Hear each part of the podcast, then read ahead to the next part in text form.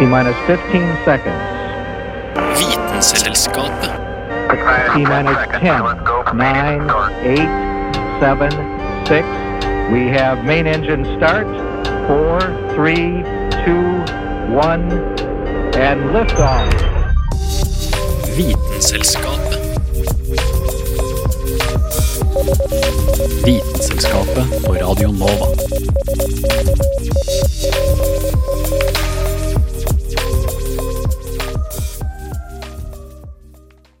Vi har uten tvil gjort store fremskritt på forskningsfronten. Og nye ting oppdages hver dag. Men man kan jo ikke lage omelett uten å knuse et par egg. Hva med de gangene det har gått skikkelig galt? Jeg heter Sunniva Sol Stannes Blix, og nå hører du på Vitenselskapet. Vitenselskapet. Vitenselskapet på Radio Nova.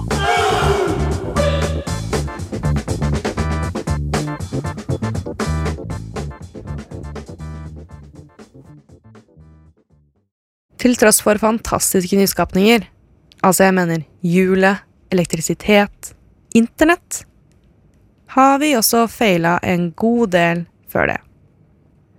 I dag skal vi i Vitenselskapet ta for oss vitenskapelige fails. Både menneskeskapte og naturens egne. For hvordan kan celler, det alt liv i bunn og grunn er bygd opp av, gjøre feil? Og hvor lurt var det å introdusere et typisk europeisk dyr til et helt annet og helt fremmed kontinent? Vi i Vitenselskapet tar også selv på oss lavfrakken og prøver å eksperimentere frem intet mindre enn kanskje den kuleste hypen der ute blant kidsa nå om dagen, nemlig slim. Men først, om vi skal ta for oss fails, kommer vi ikke unna forskeren Alfred Nobels utilsiktede og uheldige, eller kanskje, etter noens mening, fantastiske oppfinnelse. I'm on a fantastic journey to look for the origins of life.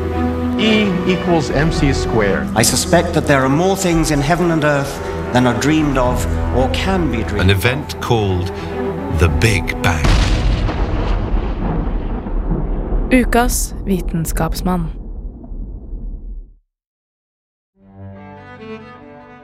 I 1847 ble ei stor oppdagelse gjort ved universitetet i Turin i Nord-Italia. Ei nyvinning innen eksplosjonsteknikk, nitroglyserin. Dette nye stoffet small mye bedre enn det typisk brukte svartkruttet, men hadde ei diger ulempe. Nitroglyserin i sin rene form er utrolig ustabilt. Så ustabilt at under transport trengs ikke mer enn et hull i veien for at hele lasten går til værs.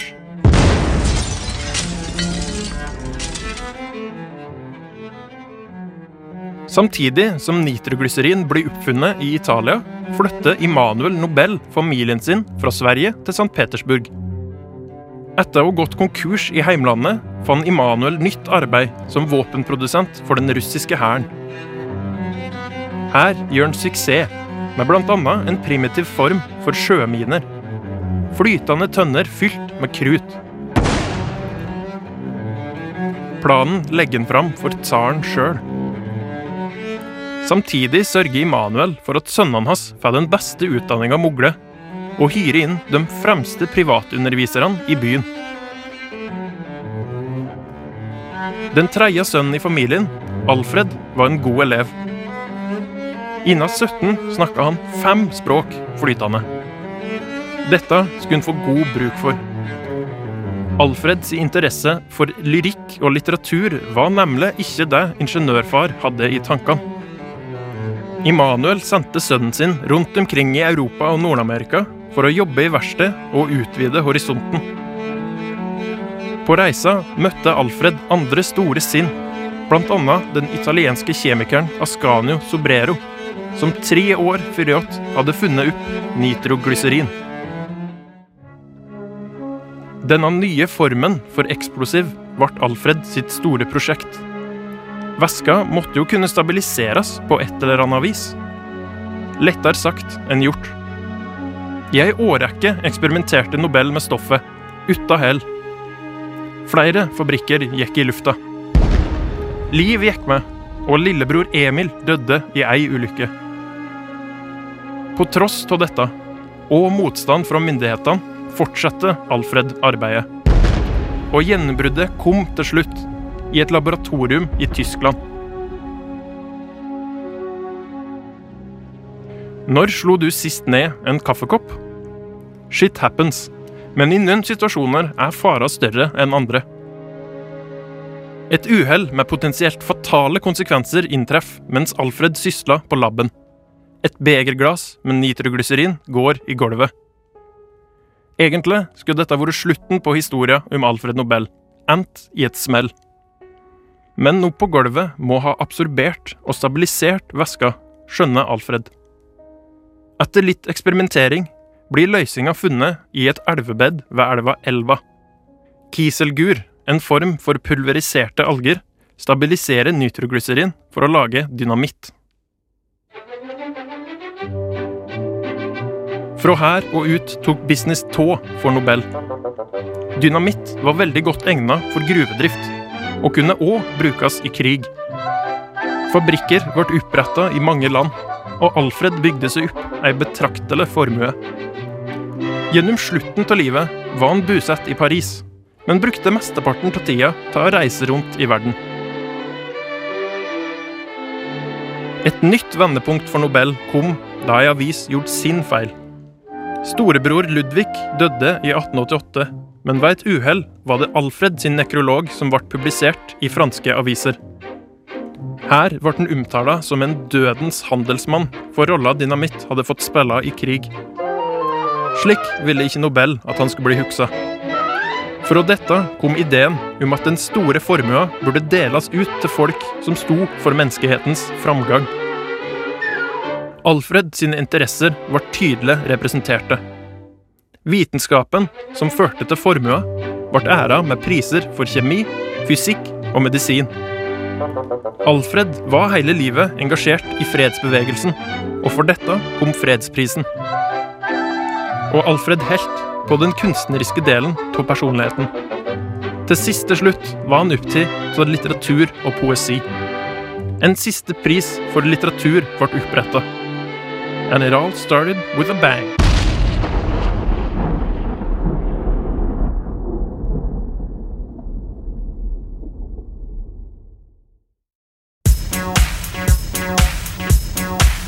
Hæla i taket med Vitenselskapet.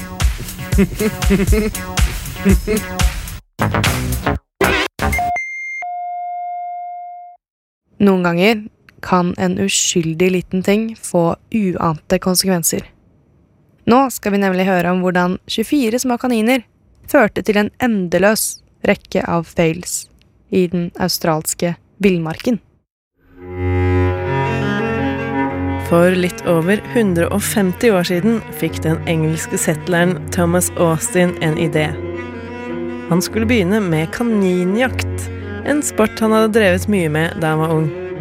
Det var bare ett problem. Austin bodde i Australia, et kontinent kaninene ennå ikke hadde oppdaga.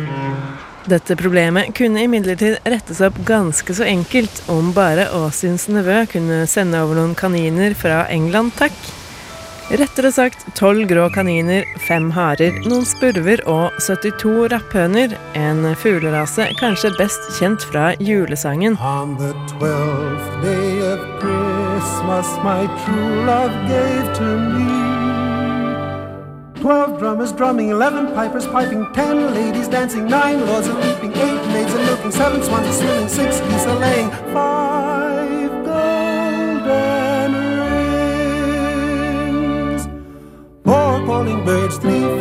French two turtle doves, and a partridge in a pear tree.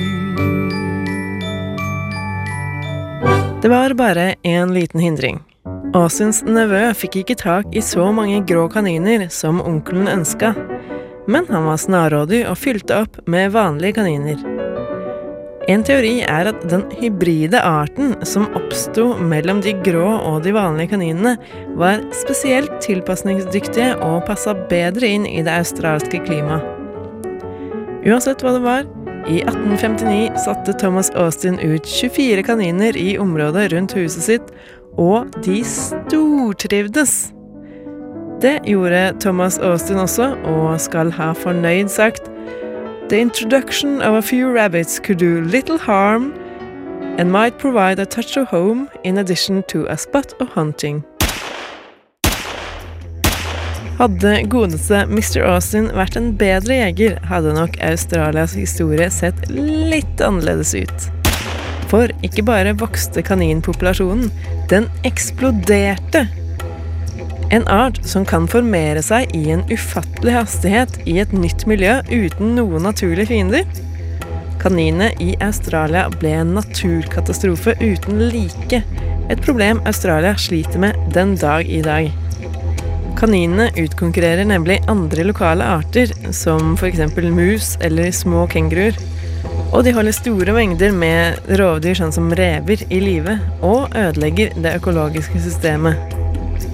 Siden de er så mange, kan de spise utrolige mengder med planter, og hindrer derfor busker, gress og trær fra å vokse. Dette tar ikke bare levegrunnlaget fra mange andre planteetere, men det fører til erosjon fordi det plutselig ikke er noen planter som holder jordlaget på plass. Erosjonen av jordlaget er kjempealvorlig og kan ta flere hundre år å rette opp i.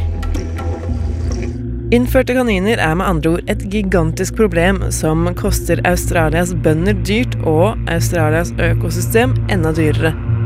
Og det verste, de virker helt umulig å bli kvitt. Tro meg, det har vært mange forsøk på å kvitte seg med dem. En metode kalles ripping og går ut på å kjøre en bulldoser over området med skarpe kniver bak seg, slik at kaninene blir lemlesta eller begravd i hulene sine. En kanskje mer brukt metode er å forgifte dem, men uh, dette virker bare kortsiktig. Det er noen som bruker ildre til å drepe og jage ut kaninene, men uh, siden ildre kan drepe en begrensa mengde kaniner, er dette mest brukt som en slags sport. Det ble forsøkt bygget gjerder, såkalte rabbit-proof fences, over landet for å hindre spredning, men det viste seg etter hvert at disse ikke var spesielt rabbit-proof. Europeiske kaniner kan nemlig hoppe veldig høyt og grave dypt, så selv når gjerdene var intakte, var de lite effektive i å holde kaninene ute. Australierne har med andre ord prøvd nesten alt, inkludert biologisk krigføring. På slutten av 1800-tallet ble det utlyst en dusør på 25 000 pund til den som kunne finne en løsning på kaninplagen, og ingen ringere enn Louis Pasteur, kjent fra bl.a. pasteuriseringa av melka du drikker, prøvde å finne et svar. Han foreslo å sette ut en kyllingkolerabakterie. Det viser seg eh, at dette ikke var så veldig effektivt på kaniner, men på 1950-tallet fant de ut at de skulle smitte kaninene med myxomaviruset, et virus som dreper kaniner. Og det gjorde det, til de grader. Det er estimert at kaninbestanden sank fra 600 millioner til 100 millioner. Problemet var at de kaninene som overlevde, var resistente mot sykdommen, så selv om man fikk mange færre kaniner, var de også vanskeligere å drepe. Nå hadde de imidlertid funnet en mer effektiv metode enn alle de tidligere hadde prøvd. Og på 90-tallet prøvde de seg igjen med et nytt virus. Det var egentlig meningen at de skulle teste ut viruset på noen forsøkskaniner som var isolert på en øy. Men etter en liten stund spredde sykdommen seg til fastlandet, hvor den drepte en del, men på langt nær alle. Det er ingen kur for disse sykdommene, og man kan jo spørre seg hvor lurt det er å drive og sette ut dødelige sykdommer i naturen. Det hindra ikke myndighetene i å sette ut et nytt virus, K5, i 2017. Hvordan det kommer til å gå, er fremdeles litt tidlig å si, men vi får vel krysse fingrene for at det ikke muterer til noe som dreper andre dyr eller f.eks. mennesker. Men da får vi vel bare sette ut noe nytt og farlig som dreper viruset, da. Visste du at man på 30-tallet forsøkte å avle opp pingviner i Norge? Etter en liten stund rømte mange og begynte å vandre opp langs kysten av Lofoten. En historie forteller om en dame som gikk en tur i fjæra da en pingvin kom opp av vannet. Hun trodde nok dette var en djevel og slo den i hjel med en planke. Det er nok ikke slik de fleste pingvinene døde, men selv om det den dag i dag er uklart hvorfor de ikke overlevde, finnes det ikke noen ville pingviner i Norge i dag. Snakker vi om fails i naturen, kan vi ikke komme utenom alle feilene som skjer i våre egne celler.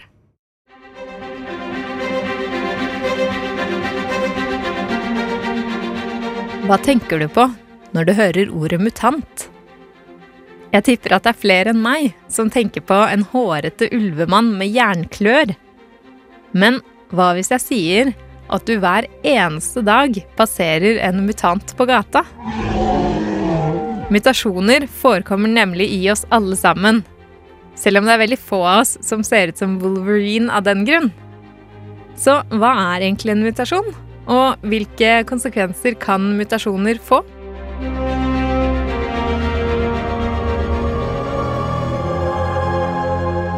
En genmutasjon det er en endring i et gen. Et gen er veldig enkelt fortalt en bit av DNA-molekylet som koder for et protein. Og siden vi består av proteiner, så bestemmer proteinene egenskapene våre. DNA-molekylet, og dvs. Si genene, befinner seg i cellene våre. Som dere vet, så formerer cellene i kroppen seg ved celledeling. Én celle blir til to celler. Og for at DNA skal overføres til neste celle, så må DNA-molekylet kopiere seg selv før denne celledelinga.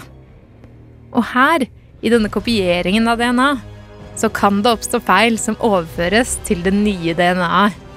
En mutasjon blir født.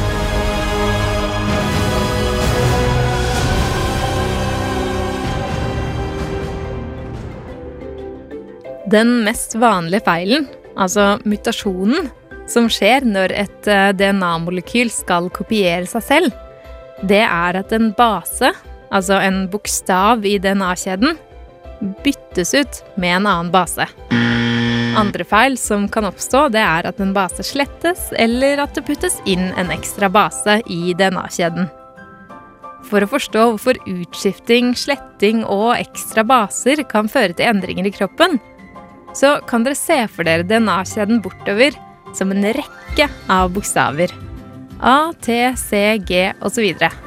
Når proteiner i kroppen vår skal dannes, så avleses denne DNA-tråden i en spesiell rekkefølge. Og det er rekkefølgen av basene som forteller kroppen hvilket protein som skal dannes. Hvis det da har sneket seg inn en feil i kjeden, så kan det føre til endringer i proteinet som skulle dannes. F.eks. at eh, proteinet ikke dannes i det hele tatt, eller at det ikke fungerer som det skal. DNA er med andre ord som en stor bolleoppskrift, der feil i f.eks. mengden gjær kan føre til helt andre boller enn de man opprinnelig skulle bake. De fleste mutasjoner de oppdages og repareres automatisk av kroppen vår. Men som regel så vil det i hver celledeling være noen mutasjoner som sniker seg unna internkontrollsystemet. Hvis mutasjonen skjer i en vanlig kroppscelle, så vil den bare påvirke oss personlig. Men om den skjer i en kjønnscelle, så kan det hende at vi viderefører mutasjonen til neste generasjon. Mutasjonen er arvelig. Om noen av dere nå fikk et akutt behov for å sjekke eget DNA for arvelige mutasjoner, så kan jeg imidlertid trøste med at det er de aller færreste mutasjoner som faktisk påvirker oss. Mesteparten av DNA-et vårt er nemlig bare skrot. Dvs. Si det inneholder ingen informasjon som brukes til noe. Så om mutasjonen havner i den skrotdelen av DNA-et vårt, så vil vi ikke merke noen forskjell fra eller til. Om mutasjonen derimot havner i et gen, så kan det føre til merkbare endringer. Eksempel så er både øyefarge og blodtype opprinnelige mutasjoner, selv om ingen av delene verken gir deg superkrefter eller påvirker deg særlig negativt i hverdagen. Så mutasjoner kan påvirke kroppen vår. Men hva er det som bestemmer hvilke mutasjoner vi får? Det er vanlig å si at alle nye mutasjoner er tilfeldige. I den forstand at de forekommer uten tanke for hvordan de vil påvirke oss. Man regner med at eh, rundt én av én million kjønnsceller inneholder en mutasjon hos mennesket. Og helt avhengig av hvor denne mutasjonen er, så både kan den og kan den ikke føre til synlige mutasjoner. Eksempel er omtrent hvert 60. menneske i Norge bærer av et gen for følgingssykdom. Men fordi genet er resessivt, så må man ha to utgaver av genet for å få sykdommen. Og sannsynligheten er dermed ganske liten for at det blir født et barn med sykdommen. Ved siden av arvelige mutasjoner så kan ytre påvirkningsfaktorer, såkalte mutagener, påvirke antallet mutasjoner i genmaterialet vårt. Ioniserende og ultrafiolett stråling, ulike kjemiske stoffer og varme kan indusere mutasjoner som gir sykdom, f.eks. kreft eller hjerte- og lungesykdom. Derfor så er det lurt å både stumpe røyken og bruke solkrem hvis dere ikke vil ende opp med noen uønskede mutasjoner.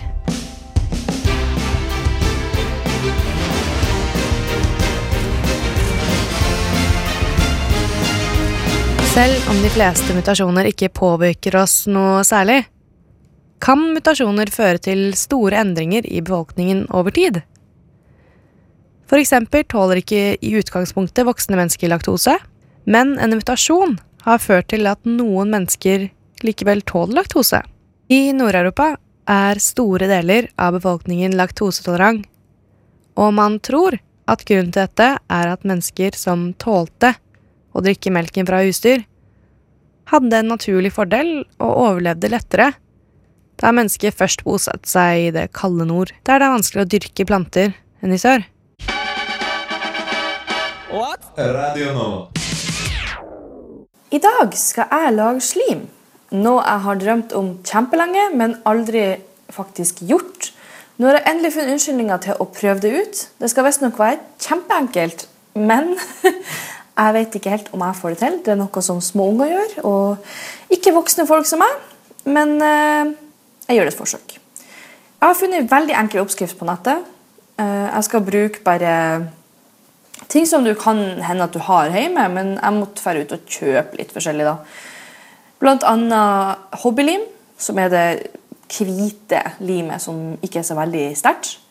Jeg har barberskum. Jeg har vanlig håndsåpe, og jeg har linsevæske. Og da starter jeg enkelt og greit med barberskummet. Som bare er vanlig ja, Gillette. Lukter litt mann. tar jeg like mye barberskum som jeg tar eh, lim. Så tar jeg flytende håndsåpe, lite grann, og så avslutter jeg det med linsevann. Linsevann er visst det som skal gjøre at hele denne blandinga gjør at hele denne blandinga binder seg. Så skal man jo prøve litt etter hvert da, og ta, mer, ta i mer linsevann hvis man ser at man trenger det nå. Det ser ut som jeg gjør. Nå er konsistensen på det her veldig tynt, og det sitter fast i både bollen og eh, skeia som jeg rører med. Så da er det bare å ta mer linsevann. Er fortsatt ikke den konsistensen jeg vil ha. Hvis jeg ikke får det her til, alle unger over hele verden får det faktisk til, og ikke jeg, da skal sies blir litt flau.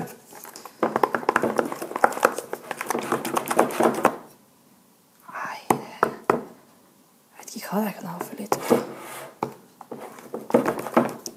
Nei. Det her må vi se på. Ja, det var jo litt flaut. Jeg hadde lest feil på oppskrifta. Det skulle ikke være såpe, det skulle være krem. Så det var ikke så rart at den forrige versjonen min ble veldig flytende. Så nå har jeg prøvd med krem. Fortsatt ikke kommet i et slimmål, men eh, jeg prøver meg fram. Men vet dere at grunnen for at vi faktisk Jeg kan ikke si at grunnen for at vi faktisk lager slim, for det finnes mange grunner til at eh, folk lager slim. Men det er jo en viss god lyd når du faktisk får den rette konsistensen. Ja, det, det er en spesiell greie. Det heter ASMR, som går står for Autonomous Sensory Meridian Response, som er autonom sensoriske meridan-respons. Som altså kan oversettes eh, på godt norsk til en eh, hjerneorgasme.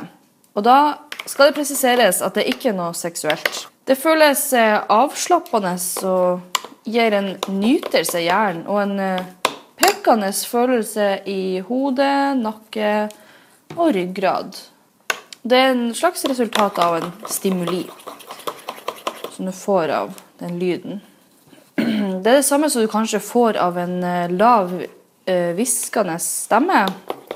Eller knurving knørving av papir, sånn som det her. Og så videre. Det finnes faktisk eh, videoer på YouTube spesifikt for sånne lyder. Skal vi se. Nå begynner jeg å nå noe her. Det føles ut jeg har brukt en halv flaske med linsevann, og de er ganske store. jeg vet ikke om jeg gjør det bedre, eller om jeg gjør det verre. Yes. Forsøk nummer 3000. Eventuelt nummer fem.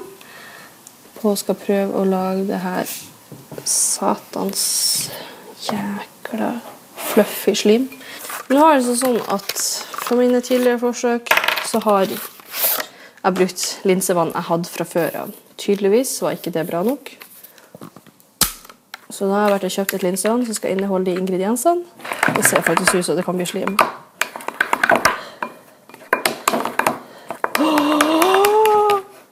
Oh my fucking god.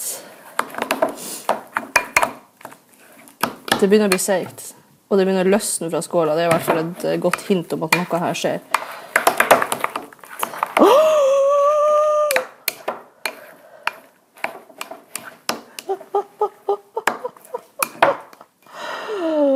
Det begynner å bli seigt. Og det løsner fra skåla. OK. Nå har det løsnet så mye fra skåla at det bare sitter fast i skjea. Så nå skal jeg ta hendene mine oppi her og prøve å kna det her sammen. Gud. Her har jeg faktisk klart å lage slim nå.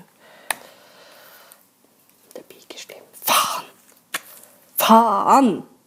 På det forrige forsøket så Jeg vet ikke hva som gikk galt. Jeg følger oppskriften. Jeg har kjøpt nytt linsevann.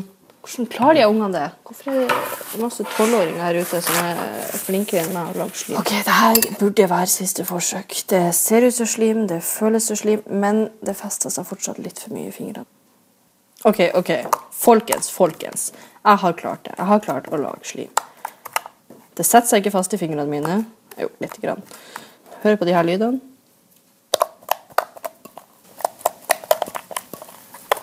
Dette er jo en sensasjon. Jeg har klart å lage fluffy slim. Den hemmelige ingrediensen er tydeligvis borax. Det er et mineral som får komme av ulike mengder, to former med ulike mengder krystallvann. Og det blir brukt i rengjøringsmidler og anvendes for å beskytte stål fra oksidasjon ved sveising. Um, hvorfor det skulle gjøre at uh, slimet mitt ble ikke så veldig sticky, det skjønner ikke jeg. Slim ble det. Og det var 24 år gamle Ida Katrine Vassbotn, som prøvde å get down with the cool kids.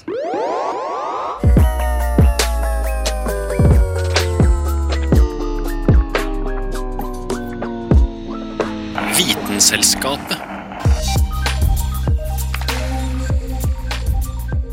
Nei, ingen er perfekte. Både vitenskapsmenn, naturen og mannen på gata.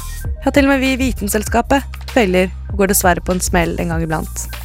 Dagens program var laget av Ida Katrine Vassbotn, Kristin Grydland, Hanne Grydland, Carl Adams Kvam og meg, Sunniva Sol Blix. Vi høres igjen neste uke. Men inntil da må du gjerne sjekke oss ut på Facebook, Instagram og Soundcloud under navnet Vitenselskapet, eller gå inn på radionova.no slash programmer slash Vitenselskapet. Radionova er best. alle andre er tapere. Radionova. Mm.